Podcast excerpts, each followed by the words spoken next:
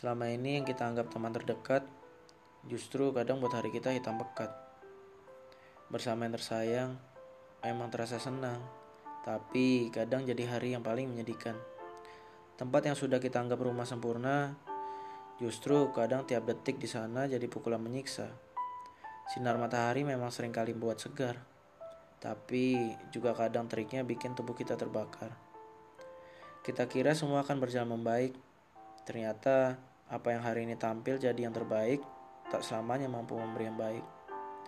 Tidak, tiada yang salah. Pun bukan salah siapa-siapa. Bukan langkahmu yang keliru.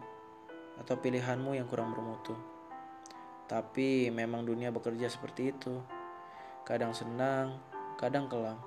Tak ada bahagia yang selalu bertahan. Semua punya masing-masing fasenya. Setelah pahit muncul lebih dulu, manis setelahnya jadi lebih terasa. Bukankah bumi memantulkan sinar yang paling cerah?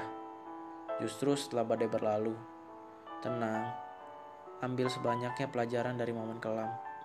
Sabar, di ujung jalan, kamu akan berterima kasih pada Tuhan.